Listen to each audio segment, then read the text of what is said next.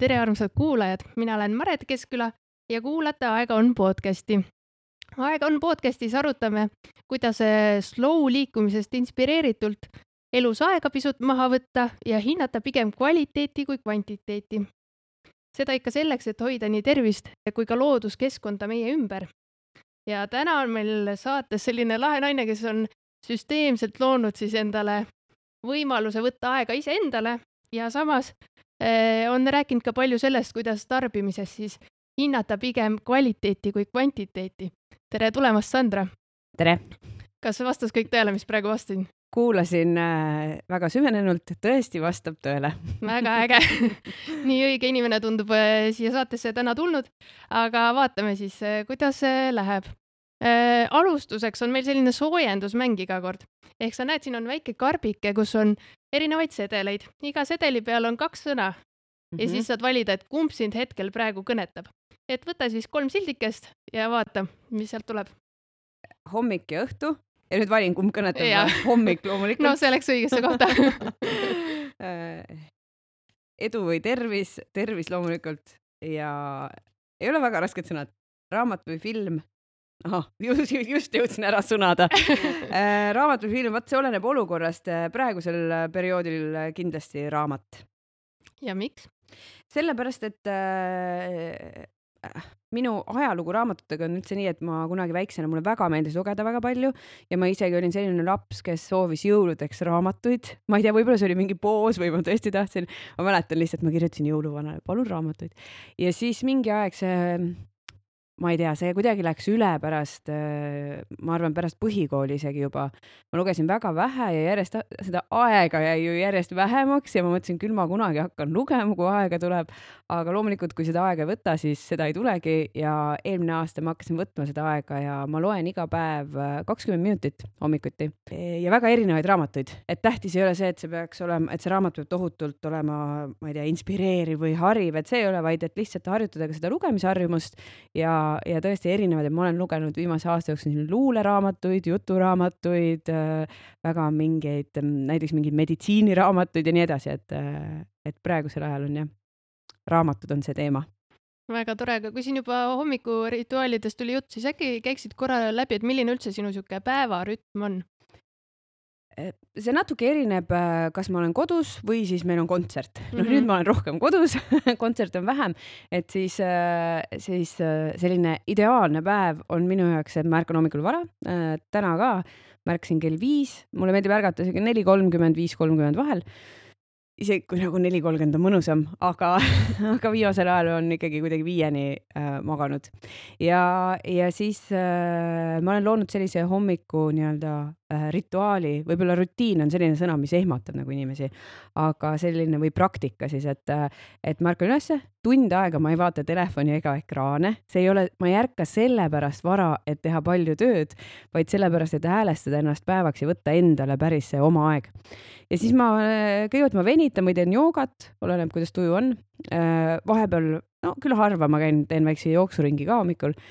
ja siis ma loen kakskümmend minutit ja panen päris niimoodi kella käima, loen kakskümmend minutit, et ei unustaks ennast raamatusse, aga samas mõni hommik, eks ju, oled võib-olla natukene uimasem, et, et ei jätaks ka seda tegemata.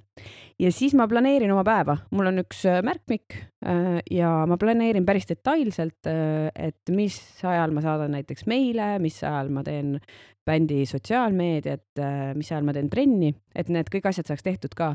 ja selle teis-, teine nagu efekt on see, et, et sa paned need kõrvale, kirjutad ära ehk siis, äh, kui ma tegelen äh, parasjagu muude asjadega või näiteks olen oma pojaga, kui ta ärkab, siis ma ei muretse, et appi, et ma tean, et mul on need viis meili vastamata, millal ma jõuan, sest tegelikult meil on see kuidagi harjumus jällegi sees kogu aeg nagu muretseda, onju. aga kui see on kuskil kirjas, mida ma tean, ma kindlasti vaatan päeva jooksul ja ma olen planeerinud selle aja, siis ma tean rahulikult, ahah, seal on mul see aeg, siis ma teen. ja siis edasi ongi, et kui mul laps ei ole veel ärganud, siis ma hakkan tegema tööd, äh, teen kõige olulisemad asjad alati. Ehk siis äh, tõesti, mis peaks sellel päeval siis kas töösse panema, vastama, et äh, jällegi sellel hetkel, kui ärkab laps või hakkab päev pihta, et siis igasuguseid ootamatusi võib juhtuda, onju. keegi helistab, sul läheb juba, lahendad mingit muud probleemi või tõesti mis iganes, et siis need kõige olulisemad asjad, ma tean, on jällegi tehtud, onju ja siis niimoodi see päev kulgeb, et praegu viisin lapse lasteaeda, tulin siia ehk siis tegelen oma asjadega, tööasjad, täpselt see meilid, harjutan pilli äh,, teen trenni, et äh, kõik need asjad, kuniks siis ma lähen äh, lapsele järgi ja, ja siis on, siis ma olen ainult temaga, onju, et mul on selleks ajaks kõik need tööasjad tehtud. see on selline, ütleme praegu tavaline päev sellel sügisel, et kui meil hakkas laps lasteaias käima ka mm. -hmm. aga kui on kontserdipäev, siis loomulikult ma hoian seda hommikurutiini teinekord, kui kontsert on hiljem olnud, siis äh, minu prioriteet on magada täis kaheksa tundi und, et ähm, kui inimesed arvavad, et nad magavad kauem, siis nad kaotavad aega, on vähem produktiivsemad, tegelikult on täiesti vastupidi. Soovitan proovida, mida äh, ei ole ka mõtet nagu üle magada, eks ju, et ma hakkan üksteist tundi magama ja siis võidan aega, no siis ei võida, aga kui sa magad see, mis öeldakse täiskasvanud seitse kuni üheksa tundi, leiad enda jaoks selle parima äh, siis unepikkuse. Ja väga oluline on ka une kvaliteet, et siis tegelikult lõppkokkuvõttes sa oled värskem, sa oled palju produktiivsem päeva jooksul, et seda ma võin täiesti oma praktikast kinnitada. No siit kõlab väga hästi, et sa tõesti elad selle slow printsiipide järgi, aga kas on alati olnud niimoodi, et sa oled endale nii palju aega võtnud? ei, absoluutselt mitte.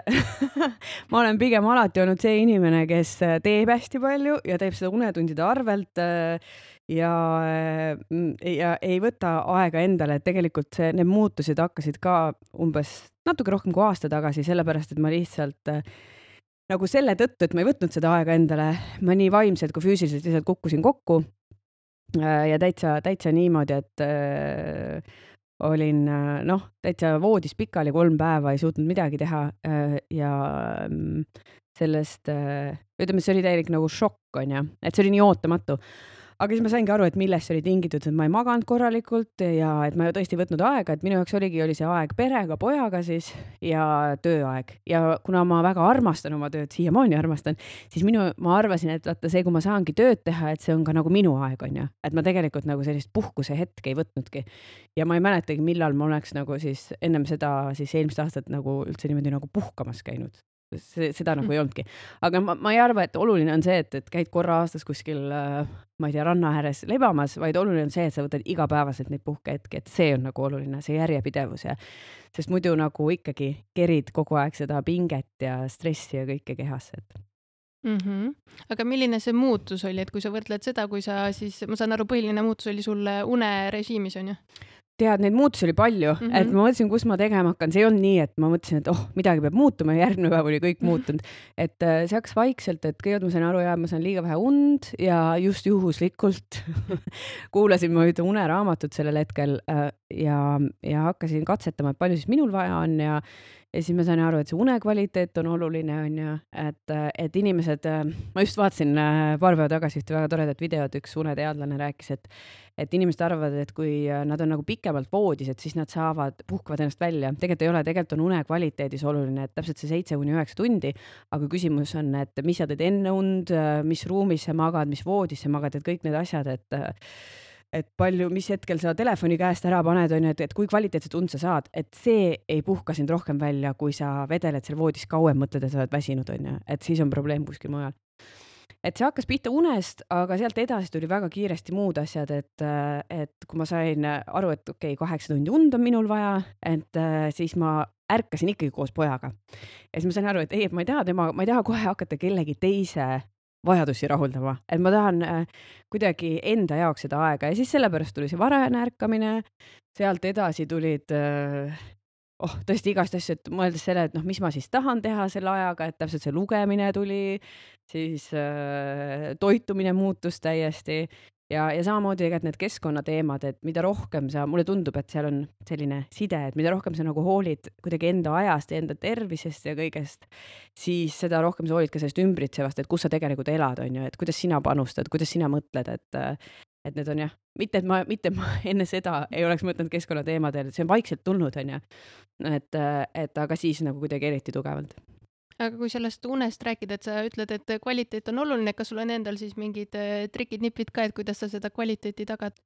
Jaa, see on jälle, kõik on omavahel väga seotud, et äh, üks asi on päeva planeerimine, et see võib tunduda, et kuidas see nüüd unega seotud on, aga tegelikult seesama, et ma hommikul võtan, planeerin oma päeva ära, mis tähendab seda, et mul on õhtuks kõik asjad tehtud, et ei, varasemalt oli see, et ma hakkasin kohe meil, ärkasin üles, hakkasin kohe meile, meilidele vastama, võtsin kohvi juurde ja, ja nii võis kuluda neli-viis tundi, sest noh, inimesed, kes teavad, kes peavad arvuti taga töötama ja meilidele vastama, siis neid meile võibki jääda vastama, kuidagi selline tunne on, onju. et äh, ja inimesed ju hakkavad vastu, vastu kirjutama. Äh, ja, ja üldse noh, näiteks nagu ka sotsiaalmeedias on ju nendele sõnumitele vastamine, et, äh, et kui ma planeerisin selle aja ära, teadsin, millal ma mida teen ja siis, kui see aeg sai täis, meilidele, ma panin kinni arvuti onju, või ma panen, miks ma räägin mm., ma teen seda praegu, et ma panen kinni ja lähengi trenni tegema, siis ma tean, et mul on trenn tehtud mul on äh, tõesti, ma olen saanud rahulikult olla lapsega, mul on kõik asjad tehtud ja äh, ma saan rahulikult uinuda, aga lisaks sellele on ka see, et ma tund aega enne magamaminekut ei vaata ühtegi ekraani. no telekat meil üldse kodus pole, aga, aga ma ei vaata nagu filme. jällegi, see ei ole alati nii olnud mm. -hmm. et äh, ma varasemalt esimene aasta siis, kui oli väike laps kodus, siis me panin ta magama, siis kas ma hakkasin arvutis tööd tegema ja siis lihtsalt äh, läksin kohe otse sealt voodisse või siis vaatasin Netflixis mitu osa mingit seriaali ja lihtsalt kukkusin ära niimoodi, et mul abikaasa võttis arvuti kõrvalt ära, onju. hommikul ma imestasin, kus see kadus, et, ähm, et see harjumuse jõud ikkagi oli nii tugev äh, nende ekraanide ja see ekraanisõltuvus ja nutisõltuvus onju. ja samamoodi, eks ju, äh, lihtsalt läksid veel voodisse siis natukene veel scroll isid Instagramis et aga tegelikult see on kõige hullem asi, mis me saame teha sellele une kvaliteedile, on selle ekraani vahtimine ja jällegi üks asi on see reaalne äh, valgus, mis häirib meil siis seda uinumist. Ja, ja melatoniini, mis on siis unehormooni teket, onju, aga teine asi on see, et me saame just seda infot sealt, onju. me vaatame kellegi teise pilte, kellegi teise infot ja siis sul hakkab ikkagi see peas jääd kerima neid asju. Et see ekraanide asi on üks asi, aga ja no mis ma teen, ma magan jahedas toas onju, suhteliselt jahedas toas ja täiesti pimedas toas, et see ei kehti jällegi, et ainult lastel on vaja pimedat ruumi, et tegelikult meil on kõigil vaja seda pimedat ruumi.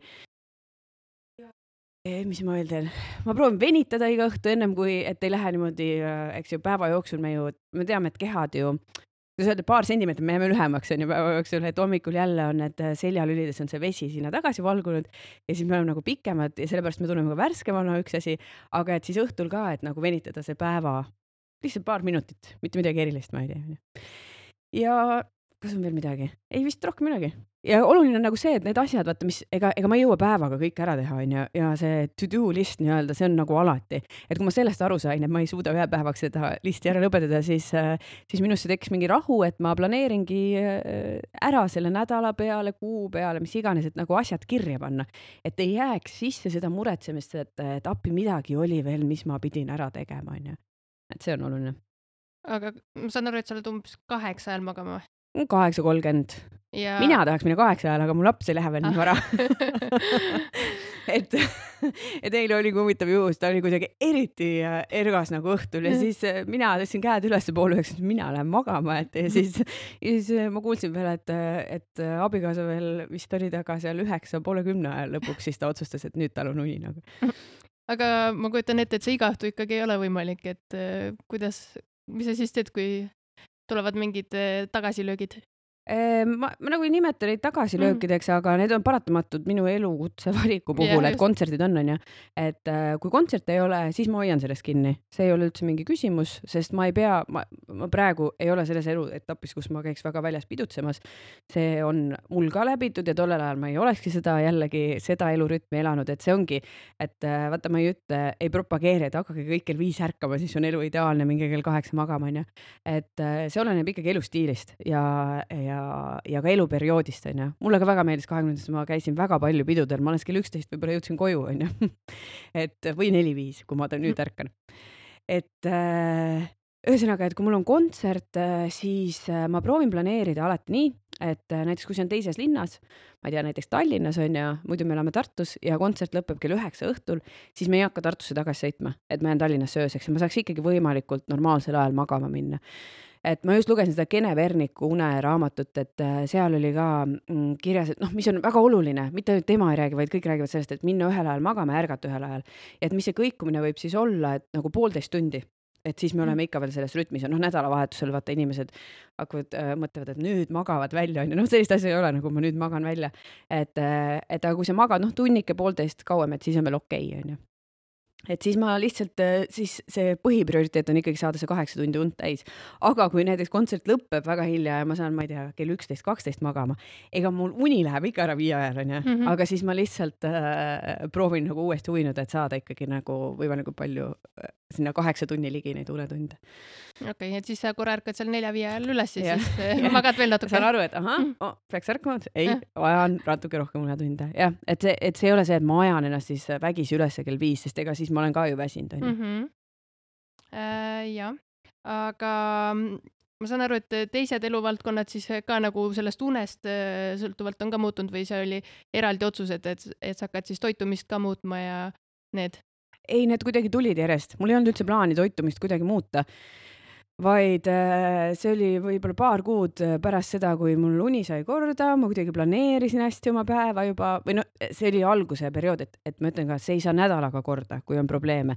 minul ei olnud otseselt nagu suuri äh, nagu uinumise probleeme või nii, mul oli lihtsalt see aja, ajamaht, et ma sain vähe, noh, et mõned inimesed ju ei saagi und või ärkavad seal öösel mitu korda üles, et see on nagu erinevad, et nende probleemidega tuleb tegeleda, aga aga õnneks nagu minul nii raskeid probleeme polnud, aga ikkagi võttis see mul, ma arvan, kolm-neli kuud, kus ma hommikul ärkasin niimoodi, et ma ei pidanud kella peale ärkama, onju. Et see võtab aega, kui sa oled ikka aastakümneid harjunud ühtemoodi äh, elama, üks harjumus on sees, et siis see võtab aega aga toitumine jah, et see mingi paari kuu pärast oli mul, me lendasime Taiwan'i bändiga, lennukis ma võin, sõin veel liha ja kui me jõudsime koha peale, siis ma ei tahtnud, onju. aga ma ei võtnud mingit seisukohta, et ma nüüd liha ei söö, vaid lihtsalt mu keha ei vajanud seda, et äh, ma arvan, et ma lihtsalt äh, ongi, sain muust kohast energiat, ma olin palju rohkem puhanud, võtsin endale aega ja siis mul ei olnud äh, seda konkreetselt nagu energiat vaja, onju. ja ma kümme kuud ei söönud liha. ma jah, isegi ja kuidagi nagu isu ei olnud, isegi see võis laua peal seal olla, onju et eh, nüüd ma eh, võib-olla paar korda nädalas söön, aga ma eelistan ikkagi taimetoitu, sest ma ei tea, kuidagi see on lihtsalt maitsvam.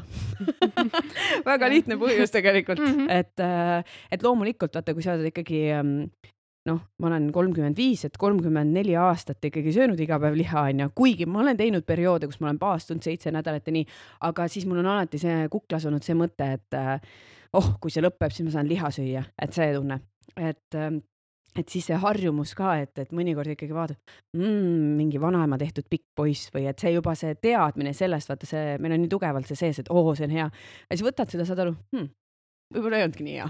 et, äh, et jällegi noh, et ma ei, ma ei propageeri seda, et äh, kõik peaks taimetoitlased olema, aga, aga rohkem nagu tunnetada, milles see äh, miks me sööme midagi, miks me näiteks tarbime nii palju suhkurt, nagu inimesed praegu tarbivad, see on ju äh,, see on nagu tegelikult täitsa absurd on ju, milline suhkrusõltuvus on maailmas.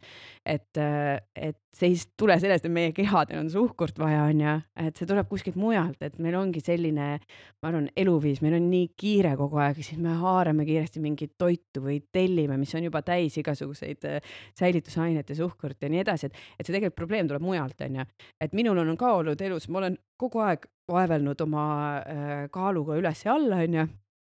ja, ja mis on minu probleem olnud, on nagu sellised äh, äh söömasööstud onju, et lähed, oi, täna ma luban ja siis sööd absoluutselt kõike onju, kakskümmend kanee-, ma sõin, kusjuures ma sõin ükskord ennem kontserti, ma sõin kakskümmend, kakskümmend väikest kaneelisaia, need olid väiksed. Need tõesti olid väiksed, aga ütleme küpsis siis need olid küpsi suurused. aga et point on selles, et, et miks ma seda tegin, et see tuli kuskilt mujalt, et mul ei olnud seda kahtekümmet kaneelisaia vaja, vaid äh, ma olin täiesti väsinud, onju. et äh, ma tegelikult olin väsinud, et selles, selle asemel, et siis võtka see hetk mõelda, et mm,. äkki ma lähen magan hoopis või äkki ma lähen kõnnin värskes õhus, ma tean, see on raske ja see ei, see ei toimi ka minul nii, et oo, ma mõtlen ja mm, ma olengi mm. ideaalne ja teen. ei, mul tulevad ka vahepeal on ju mingid isud ja, ja vahepeal ma ka luban seda ja, ja see on täiesti okei okay,, et kui järgmine päev nagu jätkata, onju aga lihtsalt, et väga tihti me käitume mingi muu impulsi ajal, et mitte selle, mitte ei kuula keha, onju. ja seal võib ollagi aastatepikkused hoopis mingid muud teemad, no nagu minul oli see uneteema onju. mul on tunne, mul on selline tunne, ma räägin nii palju, et mul on üks pikk lause kogu aeg lihtsalt see on okei okay,, seal ühes pikas lauses on vähemalt mõtteid, nii et selles suhtes on hästi. aga ma olen kuulnud, et sa võtad ka pühapäevad ainult pere jaoks vastab tõele? ja see vastab tõele, tead minu ideaal isegi, ma jõudsin see sügis, minu ideaal oleks isegi nii, et kolm päeva on täiesti vabad, töövabad. Mm.. et äh, kuna meil äh, tõesti laps läks ka lasteaeda, siis me teeme talle ühe lasteaiavaba päeva keset nädalat kolmapäeval, kus me siis äh, teeme erinevaid asju, kas lähmegi kuhugi loodusesse, näiteks see kolmapäev me äh, läksime Värskasse, kus on siis äh, minu abikaasa Jalmari ema elab ja siis eks lapse vanaema, aga me otsustasime, me läheme nii, et äh,, et ma viin esimest korda siis lapse rongiga sõitma. Ja siis me sõitsime, see oli täiesti tühi rong oli. Sõitsime äh, rongiga siis äh, sinna, no Värska lähedale saab mm -hmm. sõita, ühesõnaga, et me üritame leida selliseid äh, ägedaid tegevusi ka talle, mis oleks talle nagu elamus, onju. kuigi tema on ju väga õnnelik, kui ta saab lihtsalt meiega kahekesi kodus ka olla. et äh, ja siis oleks ju mõnus, kui oleks nagu laupäev vaba ja pühapäev ka veel vaba, et tihti muidugi jälle meie elukutse seda ei luba, et ka sellel laupäeval oleks ju meil on kontsert, aga tõesti pühapäevad siis äh, noh, enamjaolt ikkagi ei ole kontserte ja me oleme võtnud täiesti meile ise meeldib öelda nuti netivabaks, mis tähendab, et me, me ka ei ole kuskil telefonis, sotsiaalmeedias ega ei vaata mingeid ekraane, et äh, jällegi teeme hoopis midagi muud. ja suudate sellest kinni pidada või ma mõtlen, et kui tuleb mingi äge pakkumine, siis äh, reaalselt äh, ütletegi ei, sellepärast et on perepäev ei, ei, ei, päris me nii ei ütle, sest me oleme üldse ju perega väga palju koos mm. -hmm. ikkagi, kuna me oleme vabakutselised, siis, siis see on natuke teine süsteem ja, ja natuke teine eluviis, et tõesti noh, needsamad lasteaiavabad päevad, me olemegi hommikust õhtuni koos, on ju, kolmekesi või siis ka täitsa noh, ennem lasteaeda olime muidugi kogu aeg, onju, noh, mhm. lapsehoidja vahepeal käis, aga, aga et alati nagu Villemil on nagu kaks vanemat koos. et siis, kui meil pühapäeval, no meil siin aasta alguses näiteks, nüüd kusjuures ei ole olnud, me oleme suutnud seda hoida, aga aasta alguses jaanuaris siis oli nii, et meil oli vaja kuhugi panna muusikavideo võtted ja ainuke, mis kogu meeskonnale sobis, oli pühapäev. noh, siis mm -hmm. ilmselgelt ma ei äh, pane kätt, ei, meil on perepäev onju, et siis me leidsime muu päeva lihtsalt, kuna meil on ka graafik see, et tavaliselt ju jällegi esmaspäev, teisipäev, kolmapäev kontserte pole, et siis me saame nagu selle ära vahetada. ja me alustasimegi tegelikult sellest, et me otsustasime lihtsalt, et see ei ole pühapäev, see nutinetivaba päev, vaid on lihtsalt üks päev nädalas aga väga kiiresti me saime sellest aru, et kui me teeme selle esmaspäeva või teisipäeva, siis inimesed hakkavad meile ikka helistama, nemad teevad ikka ju tööd, onju mm. -hmm. et me saime, et me peame ikkagi olema nagu ka teiste inimestega solidaarsed ja selle tegema pühapäeval nagu, mis, mis jällegi sobib, et siis ju tegelikult ka ei ole, et keegi ei helista ja ei nõua midagi aga kuidas äh, üldiselt on niisuguse hästi süsteemse graafikuga elada, et ma saan aru, et sul on tegelikult kõik päevad ju hästi planeeritud, et kas vahepeal tuleb niisugune rebeltunne ka, tead, mul on, äh, ma, ma saan aru, mis sa mõtled ja mm, -hmm. ja, ja see võib alguses tunduda selline tõesti, et Exceli tabeli järgi elamine on ju, aga see saab harjumuseks. samamoodi mm -hmm. nagu meil saab harjumuseks see, et äh, tuleb pärast, kelle, kellel on harjumus, tuleb pärast tööd koju ja istud teleka ette ja sööd seal, see on ka ju harjumus, on ju, et minu jaoks see on täiesti absurdne, on ju. või et äh, aga see on harjumus ja küsid, et äh, kas ei teki tunnet, et tahad seda teha, et ei taha, aga ma planeerin ka endale äh, nii-öelda vaba aja kus äh, ongi, et noh, ma vaatan, mis ma teen, et ma ei planeeri niimoodi igat päeva täiesti täis, tööpäevad küll jah et äh, aga ja, ja tegelikult kokkuvõttes on tänu sellele planeerimisele on mul palju rohkem vaba aega ja mul on palju rohkem spontaansust, et, et ma saan ju alati mängida näiteks, et tulebki, et sõber helistab päeval, kuule, et tule õhtul läbi, et meil on mingi sünnipäeva istumine onju. okei okay,, ma tõstan selle, need asjad, mis ma planeerisin teha, ma tõstan need kolmapäevale näiteks onju. et, et ma saan sellega nagu selle nädala sees nagu mängida onju, et ma ei ole nii, ei, ma ei saa tulla, sest mul on kirjas, et ma vastan emailidele, et ma nii, nii hullusti päris see ei ole, onju. aga küsimus on lihtsalt, et need äh, need harjumused, mis meil on nii tugevasti sees, et kuidas äh, need muuta, muuta ümber, näiteks noh, väga lihtne asi, et ähm, et noh, miks, ühesõnaga, miks on vaja seda süsteemi alguses pidada, et, et just, et, et keha harjuks nende uute harjumustega, onju. et seesama, et hommikul vara ärkamine minul või näiteks see, et kui ma teen, millega ma olen ka pikalt maadelnud ja millega läks päris kaua aega, et kui ma teen tööd, kui ma olen võtnud selle, et ma vastan meilidele, siis taga ei ole lahti mul Facebooki aken, onju, kus ma näen, et keegi kirjutab, keegi postitab, onju, et ma teen ühte asja, ainult ühte asja korraga ja ma ei ava oma ma ei tea, kas Messengeri või Instagrami kümme korda päevas. ma teen seda ainult kaks korda, aga seda on üliraske alguses teha, kui sa oled harjunud, et noh, seisan siin poes järjekorras, avan, istun autosse, avan, ma ei tea, kõnnin tänaval, avan, onju, et siis see on nii sees meil. et aga, et keha tunneks ära, et see on uus harjumus, et noh, ma avangi seda telefoni kaks korda, onju. et seda on vaja alguses lihtsalt sisse harjutada, et neid mustreid, mis meil on juba sees, on ju ümber muuta ühesõnaga jah, ma ei tea, kas said aru mu pointist et see on, see on tegelikult nagu ükskõik vaata mis harjumusega, näiteks harjumus, ma ei tea, roolis telefoni näppida onju mm -hmm.. harjumus hommikul, kas sööd hommikusööki või ei söö või alustad esimese asjana, no seesama harjumus, et esimene asjana ma ärkan silmad lahti ja tunnen, et ma võtan telefoni ja hakkan scroll ima.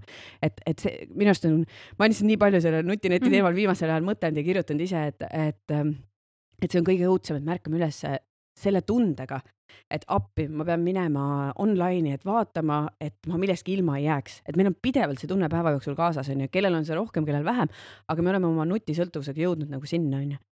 et siis, et see ei oleks normaalsus, et see, mis võib-olla nagu on jõudnud sinna normaalsuseni, see ei tähenda, et see, et see tegelikult ongi normaalne asi, mis me teeme, noh, et, et nii palju, ma vaatan ühiskonnas ka, et või noh, see keskkond, see ühiskond nii palju mõjutab, et sul tekibki tunne, et noh, seitse aastat tagasi oli minul ka normaalne see, ma lähen poodi ja panen selle banaani sinna, ühe banaani sinna ühte kilekotti, onju.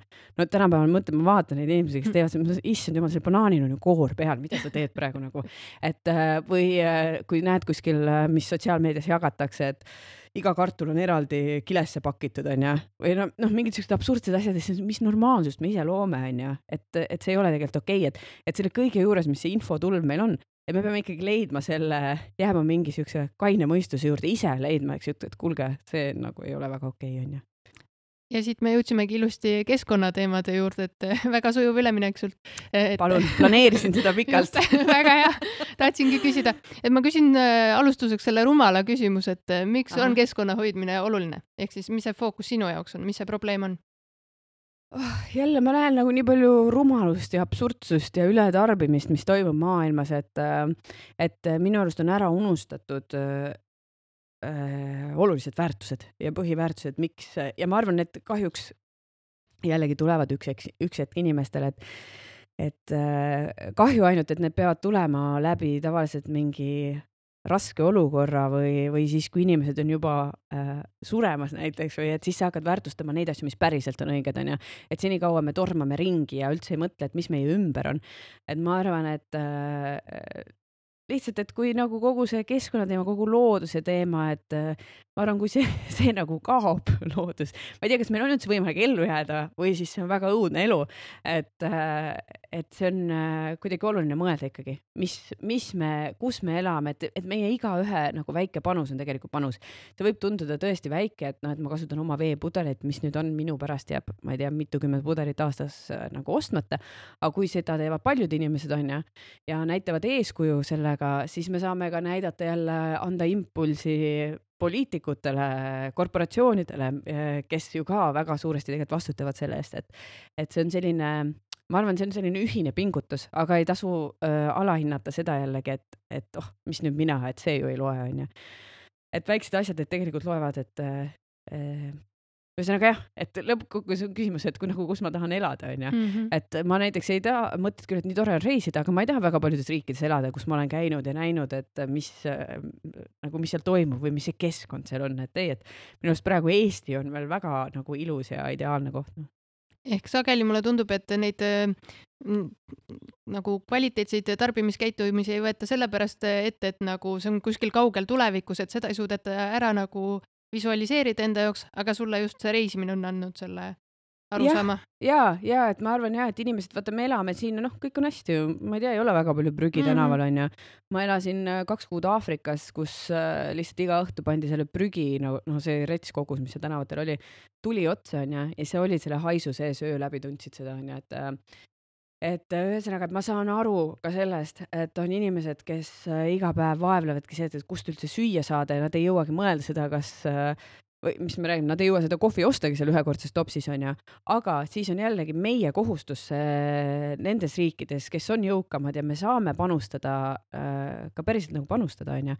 ja tegelikult need on ju väiksed asjad ja mulle tundub, et inimestel on jälle see esiteks äh, mõnel lööb juba keskkonna teema, siis tõuseb käed üles, onju, et see juba keskkond appi, see tundub midagi õudset või roheline mõtteviis või et, äh, et kui sa võtad jällegi, ma ei tea, viiskümmend, kuuskümmend aastat tagasi, siis Eestis, ma arvan, mõeldi äh, no ütleme mingites majapidamise asjades väga rahu, äh, looduslikult, et või ka näiteks praegu minu ema maal, ta ei mõtle sellele, et oo, kui ma komposti viin oma biojäätmed, ma olen nii keskkonnasõbralik. ta teeb seda nagu norma-, see on normaalsus mm, onju -hmm.. et, et mingid asjad võiks nagu kuidagi tagasi tulla, et, et ma saan aru jälle, see on see tarbimisühiskond ja, ja kapitalism ja kõik see, et, et mis on viinud sinna, et teeme hästi mugavaks, pakume täiesti absurdseid asju inimestele onju, et nad lihtsalt tarbiks ja tarbiks onju. et siis, et me oleme nagu kaotanud selle mingi sideme, et kas me noh, kuulge, kas meil tegelikult päriselt on vaja neid asju, no tegelikult ei ole onju. et noh, kus me jõuamegi tagasi sinna, et noh, mis siis on vaja, et ma arvan, inimesed kompenseerivad asjadega tohutult palju mingeid emotsionaalseid puudujääke, et kas need on, kas need on suhted, noh, ma ei tea, omavahel, meeste-naiste omavahel, lastega, kas need on üldse nagu see elu mõiste kui selline, see on ka nii müstiline onju, et ei saadagi aru nagu sellest, et siis sa lihtsalt äh, täpselt sama nagu asjadega on nagu sotsiaalmeediat ka, et sa nagu äh, uputad endasse, uputad ennast nagu mingisse kohta, et sa ei peaks tegelema, et sa ei peaks mõtlema, onju. et ähm, ja kuidagi see keskkonnateema tundubki võib-olla inimestele, et noh, mis nüüd mina selle väikse sammu teen, et see tundub nii kauge, et ma niikuinii ei saa midagi teha. ja üks asi veel, mis arvatakse, mulle tundub, et see on kallis. et äh, noh ma ei ütleks, et see on nagu kallis, kui ma ostan näiteks endale kohvitopsi ja käin oma kohvitopsiga ja saan igalt poolt allahindlust, siis lõppkokkuvõttes see on nagu odavam, onju. et natuke, see on lihtsalt nagu suuremat pilti tuleb vaadata, onju aga kui äh, söögi ostmisest äh, rääkida, et mida sa eelkõige silmas pead äh, toitu valides? Kindlasti kohalik tooraine, kohalik Äh, no praegu on ju täielik külluse periood, me käime ainult niimoodi, et üks nädal käime Värskas, siis ühe vanaema juures ja teine nädal käime Viljandis minu ema juures. ja siis kogu aeg on külmkapp värskeid asju täis, onju. et, äh, et see on no, minu jaoks väga oluline, äh, siis sama noh, taimne toit onju ja ja vä- ma ikkagi üritan seda, et kui äh, mul on vähegi võimalik, siis ma lähen äh, turu pealt ostan, kus ma saan võtta oma topsid oma kotid, mis iganes, noh nüüd saab poodides ka tegelikult, et äh,, et ma ei tekita lihtsalt seda prügi juurde, sest äh, seda nagu pole vaja, onju. pluss äh, tihtipeale need asjad, mis on seal lahtiselt müüakse, on nagu palju paremad mm. -hmm. Äh, aga kas toidu ostmisel on sul ka mingi oma süsteem äh, välja kujunenud, ala kuidas sa planeerid üldse, mida sa ostad või? Äh, või kui tihti ostad või mis kogused? tead, seda nagu ei ole, sest äh, me elame Tartus selles, sellises kohas, meil on äh, maja ees on pood mm. -hmm. mis tähendab seda, et meil äh, tegelikult kõik sellised ähm, teraviljad, juurviljad, need, äh, need noh, teraviljad on pikemat aega, ostad niikuinii juba nagu ette, onju. jällegi oma kottides, ma käin Tartus kesklinnas seal Biomarketis, see ei ole reklaam mm, -hmm. aga mhm. ma käin seal, siis yeah. seal on, saab osta lahtiselt, onju et äh, ja äh, juurviljad, asjad, värsked asjad tulevad maalt, aga siis äh, eestpoest me ostame nii vajadusel, et siis kui on vaja näiteks piima, on ju, et siis ei pea, siis me ei pea nagu autoga jälle minema, on ju, et seal on nagu kaks asja, et et aga, aga meil ei ole niimoodi, et kindlatel päevadel käime poes, ikkagi nagu vajadusepõhiselt, on ju. Mhm. aga kuidas riietega on? Tead, ma pean ütlema, et ma olen väga halb shoppaja viimased kaks aastat, et äh, ennem ma olin väga hea shoppaja. Noh, küsimus, mis on halb või hea, aga, aga ütleme, et ma äh, käisin, ostsin väga palju mingi hetk äh, jällegi, sest mulle tundus, et läbi riiete ma kuidagi defineerin ennast äh, äh mis no tegelikult ei ole nii, aga äh, nüüd viimased kaks aastat, esiteks ma nagu väga ei viitsinud käia väikese lapse kõrvalt, aga siis ma kuidagi sain aru, et mul ei ole üldse vaja nii palju riideid. Ja äh, ma ei mäleta, millal ma viimati midagi ostsin, aga tõesti, millal oli midagi vaja, äkki esinemiseks, ei, ei mäleta isegi seda, sest meil on oma stilist bändil, kes ähm, otsib meile riideid, aga ta teeb ka seda taaskasutuskauplustest, ta on täielik taaskasutuskaupluste hunt, ta teab, millal kaup tuleb ja sealt leiab nagu palju ägedamaid asju, onju. et äh, tema teeb seda seal ja tihti ka mina käin äh,, leian midagi tõesti taaskasutuskauplustest või siis, kui on äh, väga vaja mingit asja ja ma ei leia seda sealt, siis ma proovin osta ikkagi võimalikult kvaliteetse, mis püsib, äh, peab kaua vastu või siis, äh, või siis on kuidagi keskkonnasõbralikult toodetud, onju, et tegelikult neid variante on palju ennem, kui sa jõuad sinna nagu, et tõesti enam midagi pole, et ma pean minema sinna kiirmoe selle juurde. aga probleem ongi see, et need lähevad jube ruttu, need asjad katki, onju. ja mul on üks hea näide, et selle kvaliteedi koha pealt, et, et mul oli, ma elasin, kui ma kuueteistaastane olin, noh, peaaegu kakskümmend aastat tagasi ma elasin Belgias ja siis seal selles peres, kus ma elasin, nad kinkisid mulle ühe vihmajope, kuna seal kogu aeg sadas ja me pidime koolis käima ja see vihmajope on mul siiamaani alles, ma kannan seda onju, et ja sest see oli väga kvaliteetne, muidugi ma pidin tookord ära minestama, kui palju see maksis onju. see maksis vist, see oli Eesti rahas näiteks tuhat Eesti krooni mis on alla saja euro praegu onju mm -hmm., no see on nagu komplekt onju. ja siis mõtlesin, appikene, mingid inimesed ostavad nii kalleid riideid aga kui sa jällegi pead nüüd, eks ju, kakskümmend aastat vastu, siis see on nagu teine küsimus. aga hästi lihtne on öelda, et äh, ostame siis äh, kvaliteetseid riideid, aga tegelikult, kuna seda rohepesu on ka nii palju, et hullult raske on aru saada, et mis tähised siis päriselt vett peavad, et kas sa oled endale ka kuidagi äh, mingeid nippe saanud, et kuidas siis aru saada, et mis see päriselt kvaliteetne ja loodussõbralik on? Pigem mitte osta, onju. mina ütlen, et nagu tõesti läbi mõelda, et kas on nagu vaja tarbida, onju. aga, aga no loomulikult mingi hetk ju on, onju. et ähm, äh, tead, ma ei teagi, ma ikkagi, kui ma noh, väga harva ma tellin kuskilt äh, netipoest, aga siis ma ikkagi uurin nagu põhjalikult, et kas see on kvaliteetne onju.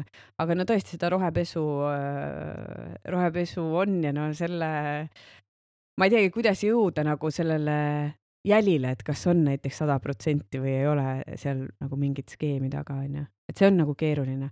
aga ma arvan ikkagi, et alati saab, äh, doktor Google on see hea asi, mis ka aitab, onju noh, seal on muidugi väga palju valeinfot, aga, aga noh, üks asi, mis mina eelistan, et kasvõi, et kui ma olen kahe vahel, siis ma eelistan alati ka nagu eestimaist, onju.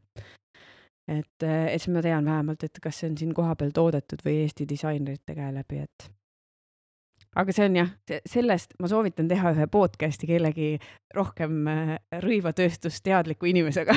no õnneks järgmine osa meil tulebki Reet Ausiga, kellega räägime aeglasest moest. Aa ah, no ideaalne, tema teab ju kõike. Ja, ja aga, aga just see, et noh, mulle, mulle meeldib see taaskasutus ka, et nüüd see särk, mis mul seljas on, inimesed ei näe, aga mul on üks äh, bändi äh, särk, Jimi Hendrixi särk, siis Äh, see on ka ühest taaskasutuspoest ja meil seesama stilist, tema kogub selliseid bändisärke ja alati, kui ma mõtlen, ah, oleks vaja nüüd seda T-särki, siis esimese asjana ma vaatan mm. nagu tema äh, kapi läbi et, et tegelikult, et selle asemel, et nagu esimese impulsina minna ja osta, onju. aga ma olin ka see inimene, kes ostis, tohutult ostis. isegi praegu tagasi mõelda on täitsa õudne. aga ma olen need alati edasi andnud kellelegi, et, et vähemalt, et kui see on toodetud kiirmoena, et siis ta on saanud mingi teise ringi kuskil meil oli siin äh, oktoobri alguses ka üritus, kus äh, noored said siis anda sisendit äh, meie tänaseks vestluseks. Ja seal oli ka see küsimus, et kuidas siis tudengid, kellel raha napib, saaksid keskkonnasõbralikult siis tarbida, et see vastus on siit läbi käinud, aga saad ehk korra veel oma soovitused anda tudengitele vaadake üksteise riidekappi mina näiteks aeg-ajalt panen oma, oma riided nagu ära, mida, aga mulle meeldib seda teha aeg-ajalt, et ma kannan järjest kõik asjad läbi, mis kapis on. ja siis äh,, et muidu on see, et noh, kannadki seda ühte paari teksaseid ja kolme paari T-särki onju ja ei jõua näiteks mingite kleitideni.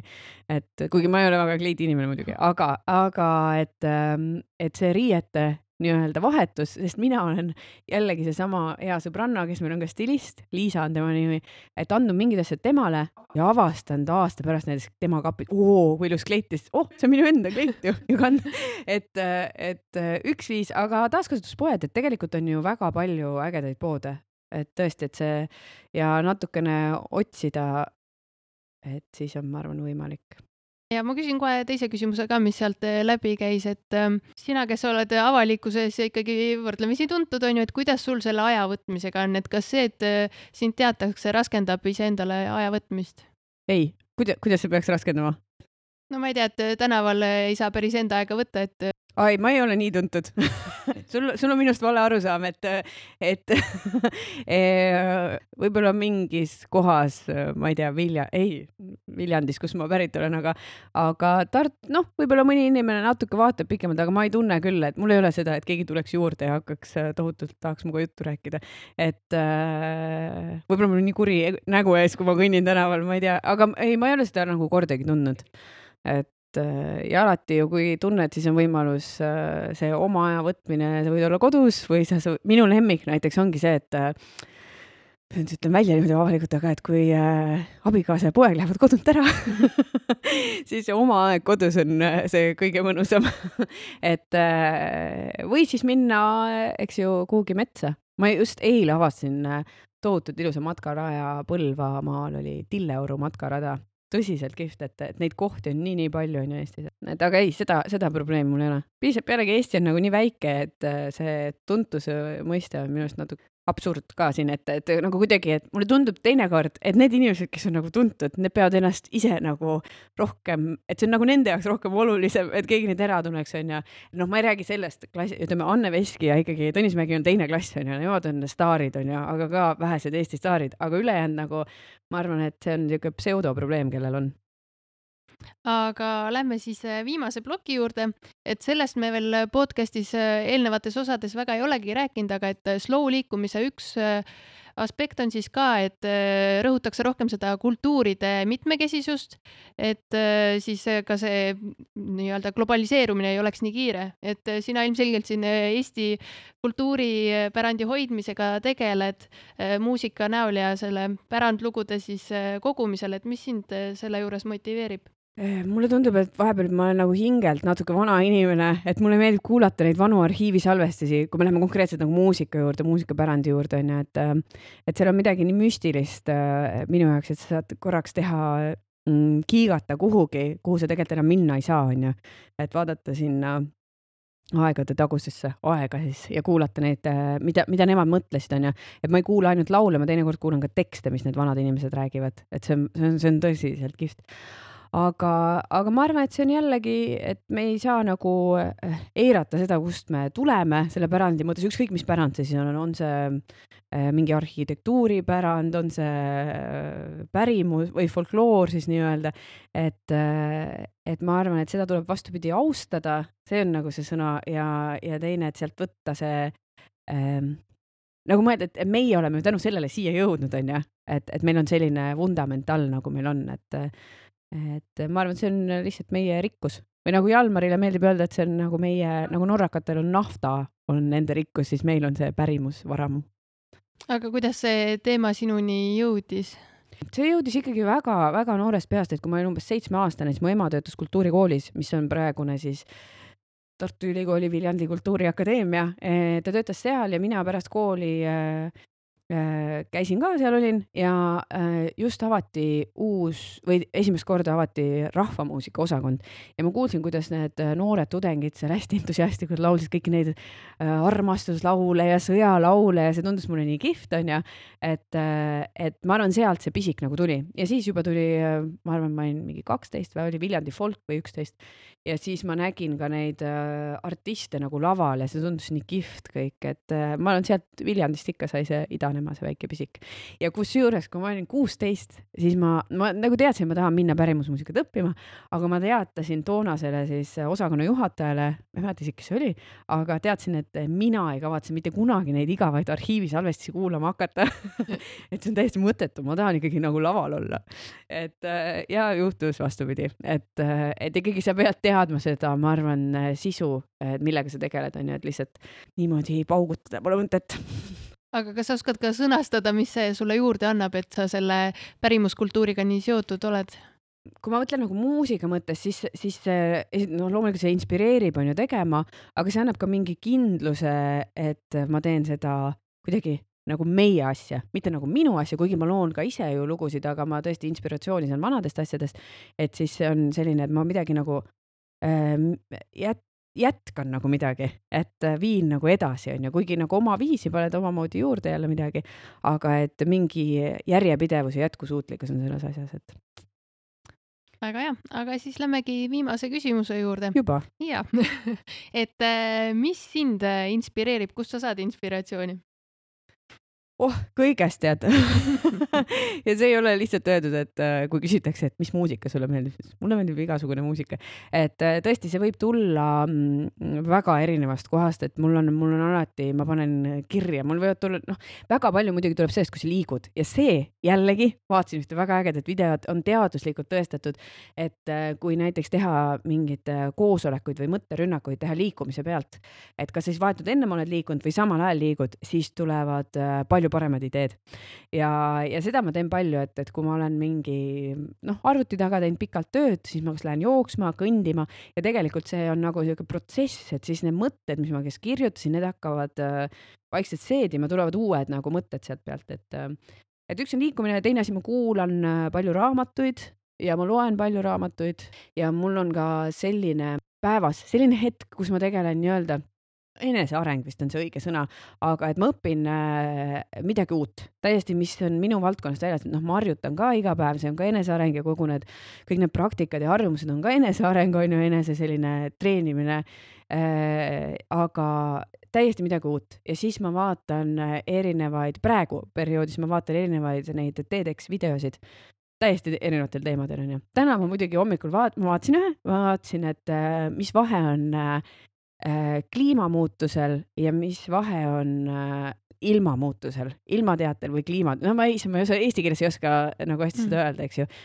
et äh, no inglise keeles on nagu weather või climate on ju, et mis seal vahet on tegelikult, et mm -hmm. väga põnev video, viis minutit. ja see ei peagi olema pikk, aga mingi täiesti uus info, sest meie ajudel on vaja uut infot paraku väga paljud meist äh, võtavad seda uut infot scroll ides, arvavad, et see ongi, sest tegelikult aju ju saab sealt ka mingit uut infot, aga noh, palju ta saab seda, et ta tõesti sellest ka midagi õpib. et siis, äh, mm, et see on jällegi koht, et täiesti teiste inimeste mingi maailm, millest nad räägivad, on ju, et millega mina erialaliselt nagu tegelikult ei puutu kokku, et, et see on minu jaoks ka väga suur inspiratsiooniallikas kas sul on veel midagi endal, mis sa soovid kindlasti veel kuulajatele öelda? Äh, ma arvan, et äh, on paar olulist asja tõesti, et äh, esiteks ma arvan, et on oluline aeg-ajalt vaadata oma elule ja küsida selliseid küll põhjapanevad võib-olla liiga äh, küsimused, aga mõelda, et kas ma nagu praegu elan päriselt seda elu, mis ma tahan elada või et äh, et või ma olen mingites harjumustes kinni, onju, või mõjutavad mind hoopis mingid, ma ei tea, sotsiaalmeedia trendid, et, et mida ma nagu päriselt ise tahan teha, et teinekord äh, me kuidagi ei julge või oleme selles igapäevarütmis nii kinni, et me ei oskagi teha muutusi, onju. et ma olengi harjunud kell kaheksa ärkama, et appi, et kui ma ärkaks seitse kolmkümmend, see oleks liiga vara minu jaoks, onju, see on võimatu. et aga katsetada, see on teine asi. esiteks küsida endalt küsimuse, et kas on vaja midagi muuta, et kas ma saan kuidagi veel ägedamalt elada, onju, või teha veel rohkem neid asju, mida ma armastan. ja, ja teine asi on see, et katsetada tõesti, et ei pruugi iga asi sobida. näiteks kui mina ka muutsin, siis ma, ma tahtsin hommikuti hakata mediteerima ka ja see lõppes alati sellega, et ma jäin tagasi magama ja ma sain aru, et ei, ei, see ei ole minu jaoks lihtsalt. ma küll äh, teen vahepeal seda äh, meditatsioonipraktikat ka, aga seda siis päeva jooksul. et äh, ja, ja tõesti inimestele sobivad erinevad asjad, et see ongi nagu loomulik on et katsetada, et julgeda katsetada ja, ja, ja viimane asi on see, et nagu see ikkagi jätkusuutlikkuse teema kõiges, et, et ka kui sa võtad uue harjumuse nüüd et siis anda aega, et see kohaneda, mitte et näiteks kolm päeva ja siis ongi, vaatan, ei, see mulle ei sobi, onju, et noh, sa tegelikult ei tea selle ajaga, et, et öeldakse, et uus harjumus, et selleks, et ähm, et see selgeks saada, läheb nii-öelda kakskümmend üks päeva, aga et see muutuks uue äh, elustiili osaks, läheb üheksakümmend päeva, on ju, kolm kuud. et, et siis võtta nagu seda aega endale. väga tore oli siin täna sinu mõtteid kuulda, et kuidas sa oma elustiili oled kujundanud. aitäh sulle! aitäh! Nonii, tõesti väga kiiresti läks see tänane osa ja olemegi jõudnud kokkuvõtte tegemiseni. kuna ma olen meie kuulajatega suheldes aru saanud, et eri inimesi kõnetavad väga erinevad eh, mõtted, siis täna teeme kokkuvõtte nõnda, et ma lihtsalt tuletan meelde, et mis teemadest me rääkisime. proovi siis enda jaoks mõelda, et mis mõtted sul nendega seoses kõige rohkem kõlama jäid eh, esmalt rääkisimegi siis, et millised süsteemid eh, Sandra on endale loonud et saada teatavat äh, sellist rahutunnet ja ka siis vabadust enda ja perega kvaliteetset aega veeta. Äh, seejuures äh, rääkisime pisut ka unest ja toitumisest. teine suurem plokk oli tarbimisharjumused ehk kust ja mida silmas pidades Sandra hangib keskkonnasõbralikult toitu ja riideid. ning pisut rääkisime ka pärandkultuuri austamisest ja lõpetuseks siis eh, veel Sandra julgustus, et tõesti katsetada erinevaid harjumusi. Nonii, selline see osa sai. nagu saate jooksul juba ka mainitud, siis eh, järgmises saates on meil külas eh, Reet Aus, kes jagab siis nippe, et miks ja kuidas soetada kvaliteetseid ja loodussõbralikke riideid. seniks aga saate meid jälgida Aega on Instagramis kus jagame siis eh, enda tegemisi ja ka erinevaid mõtteid eri slow liikumisest lähtuvalt. Eh, nagu ikka, täname ka meie toetajaid, et siis Birch Lagoon, kes eh, toetab meid mahekasemahladega ja sihtasutuse Archimedes noorteagentuur, kes siis vahendab meile Euroopa Solidaarsuskorpuse programmi kaudu rahastust. Suur aitäh teile kuulamast ja kohtume kahe nädala pärast